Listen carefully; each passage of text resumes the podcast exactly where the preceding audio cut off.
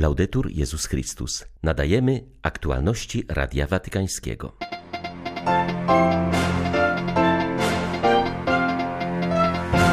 To piąty dzień krwawej wojny. Widzimy heroizm naszego ludu i okrucieństwo tych, którzy nas zabijają. Nie poddajemy się, trwamy w modlitwie. Zapewnił w codziennym wideoprzesłaniu zwierzchnik ukraińskich grekokatolików.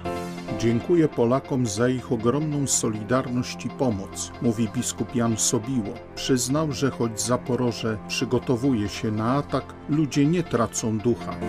O powstrzymanie eskalacji konfliktu i rozpoczęcie dialogu apeluje watykański sekretarz stanu. Kongregacja do spraw życia konsekrowanego wzywa wszystkich zakonników i zakonnice do modlitwy o pokój. 28 lutego witają Państwa ksiądz Krzysztof Ołdakowski i Beata Zajączkowska. Zapraszamy na serwis informacyjny. To piąty dzień krwawej, nieludzkiej i okrutnej wojny. Nie poddajemy się i trwamy w modlitwie, powiedział zwierzchnik ukraińskiego kościoła grecko-katolickiego. Arcybiskup Światosław Szewczuk podziękował też papieżowi za ponowne i stanowcze potępienie wojny na Ukrainie podczas wczorajszej modlitwy Anioł Pański. Jestem wdzięczny Ojcu Świętemu za jego poparcie, modlitwę i pragnienie zrobienia wszystkiego, co w jego mocy, by zatrzymać tę wojnę, dodał arcybiskup Szewczuk. W dramatycznych słowach opisał też sytuację, w jakiej znajduje się dziś Ukraina oraz heroizm jej mieszkańców. My w tych dniach baczyli herojstwo w tych dniach widzieliśmy bohaterstwo naszych żołnierzy, widzieliśmy odwagę naszego narodu, widzieliśmy jak nawet starsi ludzie kładą się pod czołgi, aby nie wjechały do ich wiosek i miasteczek. Widzieliśmy, jak całe wioski wychodzą razem, aby gołymi rękoma zablokować drogę czołgom wjeżdżającym na Ukrainę. Ale widzieliśmy też okrucieństwo i nieludzkie oblicze tych, którzy nas zabijają, ci, którzy wsadzają dzieci i kobiety na czołgi, by służyły jako żywe tarcze, by nieść śmierć i zniszczenie w sercu, w głębi Ukrainy ale stawiamy opór. Trwamy w modlitwie za naszą armię, za naszą ojczyznę, za nasz cierpliwy i cierpiący naród ukraiński. Trwamy w modlitwie. Ale my stoimy, my stoimy w modlitwie. Arcybiskup Szewczuk wyraził również poparcie dla inicjatywy przeznaczonej dla krewnych rosyjskich żołnierzy, którzy zostali wysłani na wojnę. Nosi ona nazwę Wróć żywy z Ukrainy i pomaga uzyskać informacje na temat rosyjskich żołnierzy, którzy zginęli na wojnie lub znaleźli się w niewoli. Chcemy pomóc Wam w odnalezieniu ciał Waszych poległych synów lub tych, którzy być może jeszcze żyją, abyście mogli ich zabrać z powrotem do Rosji, oświadczył arcybiskup Szewczuk. Nie tracimy ducha, choć sytuacja jest trudna. Zaporoże, tak jak Kijów i Charków, będzie walczyć. Miasto przygotowuje się na atak. W rozmowie z Radiem Watykańskim mówi o tym biskup Jan Sobiło, wskazując na bardzo wysokie morale Ukraińców. Co chwilę wyją syreny alarmowe, ludzie całymi godzinami siedzą w schronach, jednak wierzą, że uda się pokonać wroga, mówi. Wyznaje, że pierwsza wojenna niedziela była trudna. Z powodu alarmów na nikt praktycznie nie mógł przyjść. Liturgię udało się jednak transmitować przez internet. Miasto się przygotowuje do obrony. Rozdawali wczoraj karabiny maszynowe wszystkim mężczyznom, a więc miasto się będzie broniło, tak jak Kijów się broni, jak Charków. Duchowo jesteśmy mocni, dlatego że wspiera nas wielka modlitwa i tu na miejscu wiernych i całego świata odczuwamy, że jest wielka duchowa solidarność z nami. Wspiera nas Ojciec Święty modlitwą i swoim sercem, które bardzo przeżywa za nas. Zaporoże spędziło tę noc w schronach przeciwlotniczych, mając ze sobą butelkę wody i kawałek chleba z opawy przed obstrzałem. Także modlimy się, ludzie wspierają żołnierzy. Może być, że zabraknie, jak tak dłużej potrwa, trochę żywności i lekarstw, ale na dzień dzisiejszy jest dobrze. To znaczy dobry duch w narodzie i widzimy, że plan Rosji nie wypełnia się tak, jakby oni sobie to chcieli, dlatego że jest wielka solidarność wśród ludzi i naród chce walczyć do ostatniego. Ze wschodniej Ukrainy emigrują kolejne rodziny, głównie kobiety z dziećmi. Chciałbym podziękować Polakom za tak ogromną solidarność i pomoc, mówi biskup Sobiło. Podziękowanie Polsce za tę wielką solidarność za pomoc, że Polacy otworzyli i granice, domy swoje, i kieszenie, wspierają czym kto może, zbierają datki dla Ukrainy na leki, żywność. Polska dla Ukrainy takim adwokatem była cały czas i teraz wielkim opiekunem i bratem, który przyjmuje do swojego domu Ukraińców tak jak rodzonych braci. Polska została hetmanką wszystkich, którzy walczą i starają się o pokój dla całego świata. Od wczoraj trwa rosyjska ofensywa w Charkowie. Mieszkańcy drugiego co do wielkości miasta na Ukrainie bronili się całą noc. Kościół jest cały czas otwarty, niesiemy ludziom pomoc i nadzieję, mówi ukraiński eparcha grecko-katolicki w Charkowie Wasyl Tuczapeć. Gubernator miasta ogłosił, że siły ukraińskie odzyskały kontrolę nad Charkowem i wyparły wojska rosyjskie.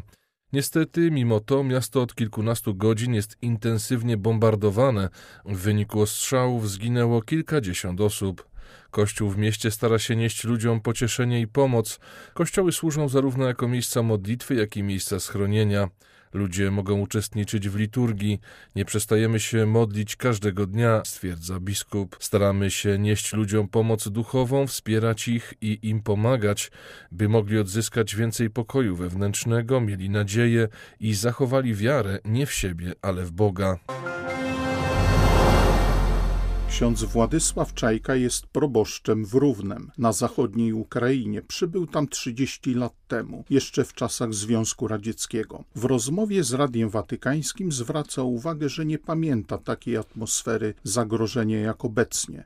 Ludzie żyją w ogromnym strachu, pytają, jak długo to potrwa, kiedy się skończy. Szukają bezpiecznego miejsca, gdzie można by się schronić. Gdy zadzwoniliśmy do księdza Czajki, przebywał w jednym z mieszkań, gdzie udzielał chrztu małemu dziecku, w pewnym sensie dziecku wojny. Tato tego dziecka jest wojskowym. W jakiejś mierze ten chrzest jest może przyspieszony nawet. W normalnych warunkach to byśmy chrzcili w jakiś dzień bardziej uroczysty. Trzeba po prostu działać jak jest możliwość. Y, ludzie żyją, y, bo trzeba żyć. Troszeczkę się przemieszczają. No, szukają jakiegoś miejsca y, bardziej spokojnego. Idą ze wschodu na zachód. W niedzielę wczoraj czytaliśmy słowo biskupów zapowiadające rok Krzyża Świętego. To jest coś, coś prawda dla nas. Nie spodziewaliśmy się, że ten krzyż będzie miał taki, jaki znak, poważny, jak teraz, jak, jak mamy to konkretnie w naszym życiu, że to tak dotknie naszego życia, naszej historii tu miejscowej. Widzę, że część ludzi wyjeżdża na zachód,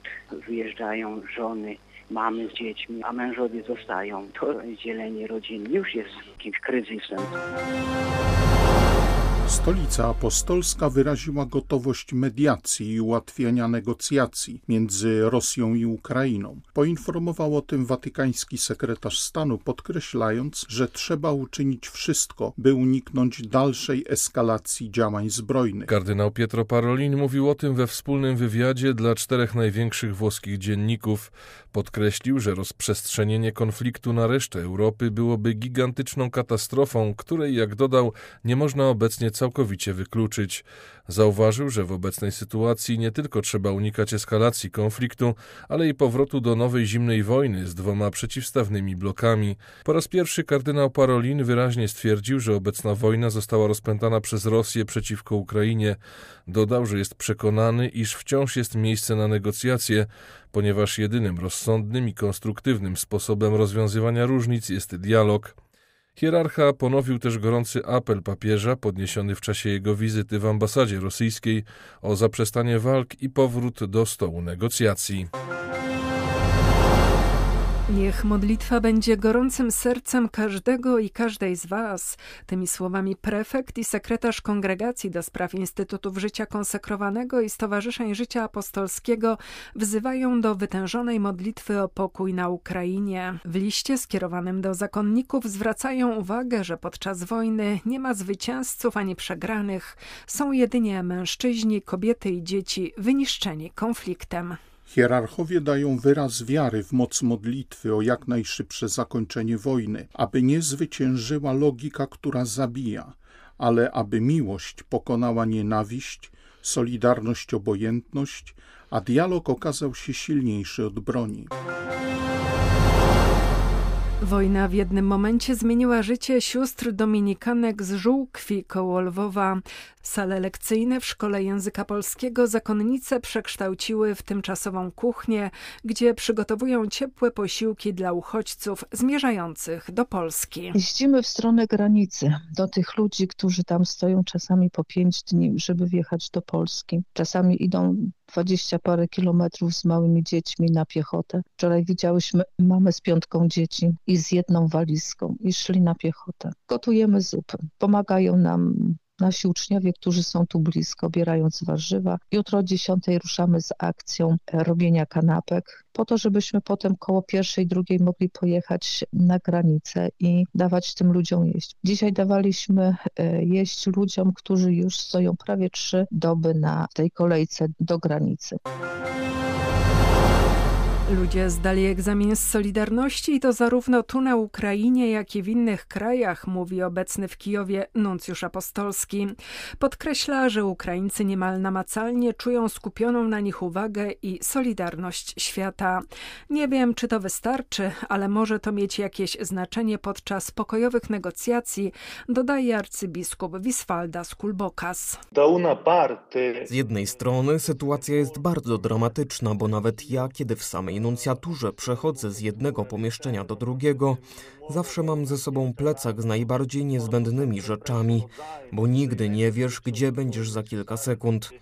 Z drugiej strony ta sytuacja ma też pozytywne konsekwencje.